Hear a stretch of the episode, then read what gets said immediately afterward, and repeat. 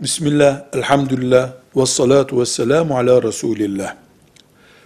Cuma hutbesi irad edilirken, konuşan bir Müslümanın, cumasının boşa gittiğini belirten hadisi şerif vardır.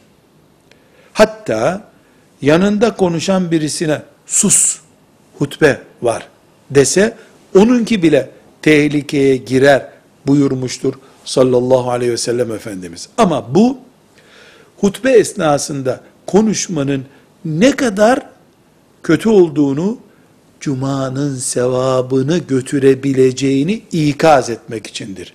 Yoksa Cuma hutbesi okunurken, dünya kelamı konuşan birisi, Cuma namazını yeniden kılsın ya da Cuma'sının yerine öğleyi kılsın şeklinde bir uyarı yoktur.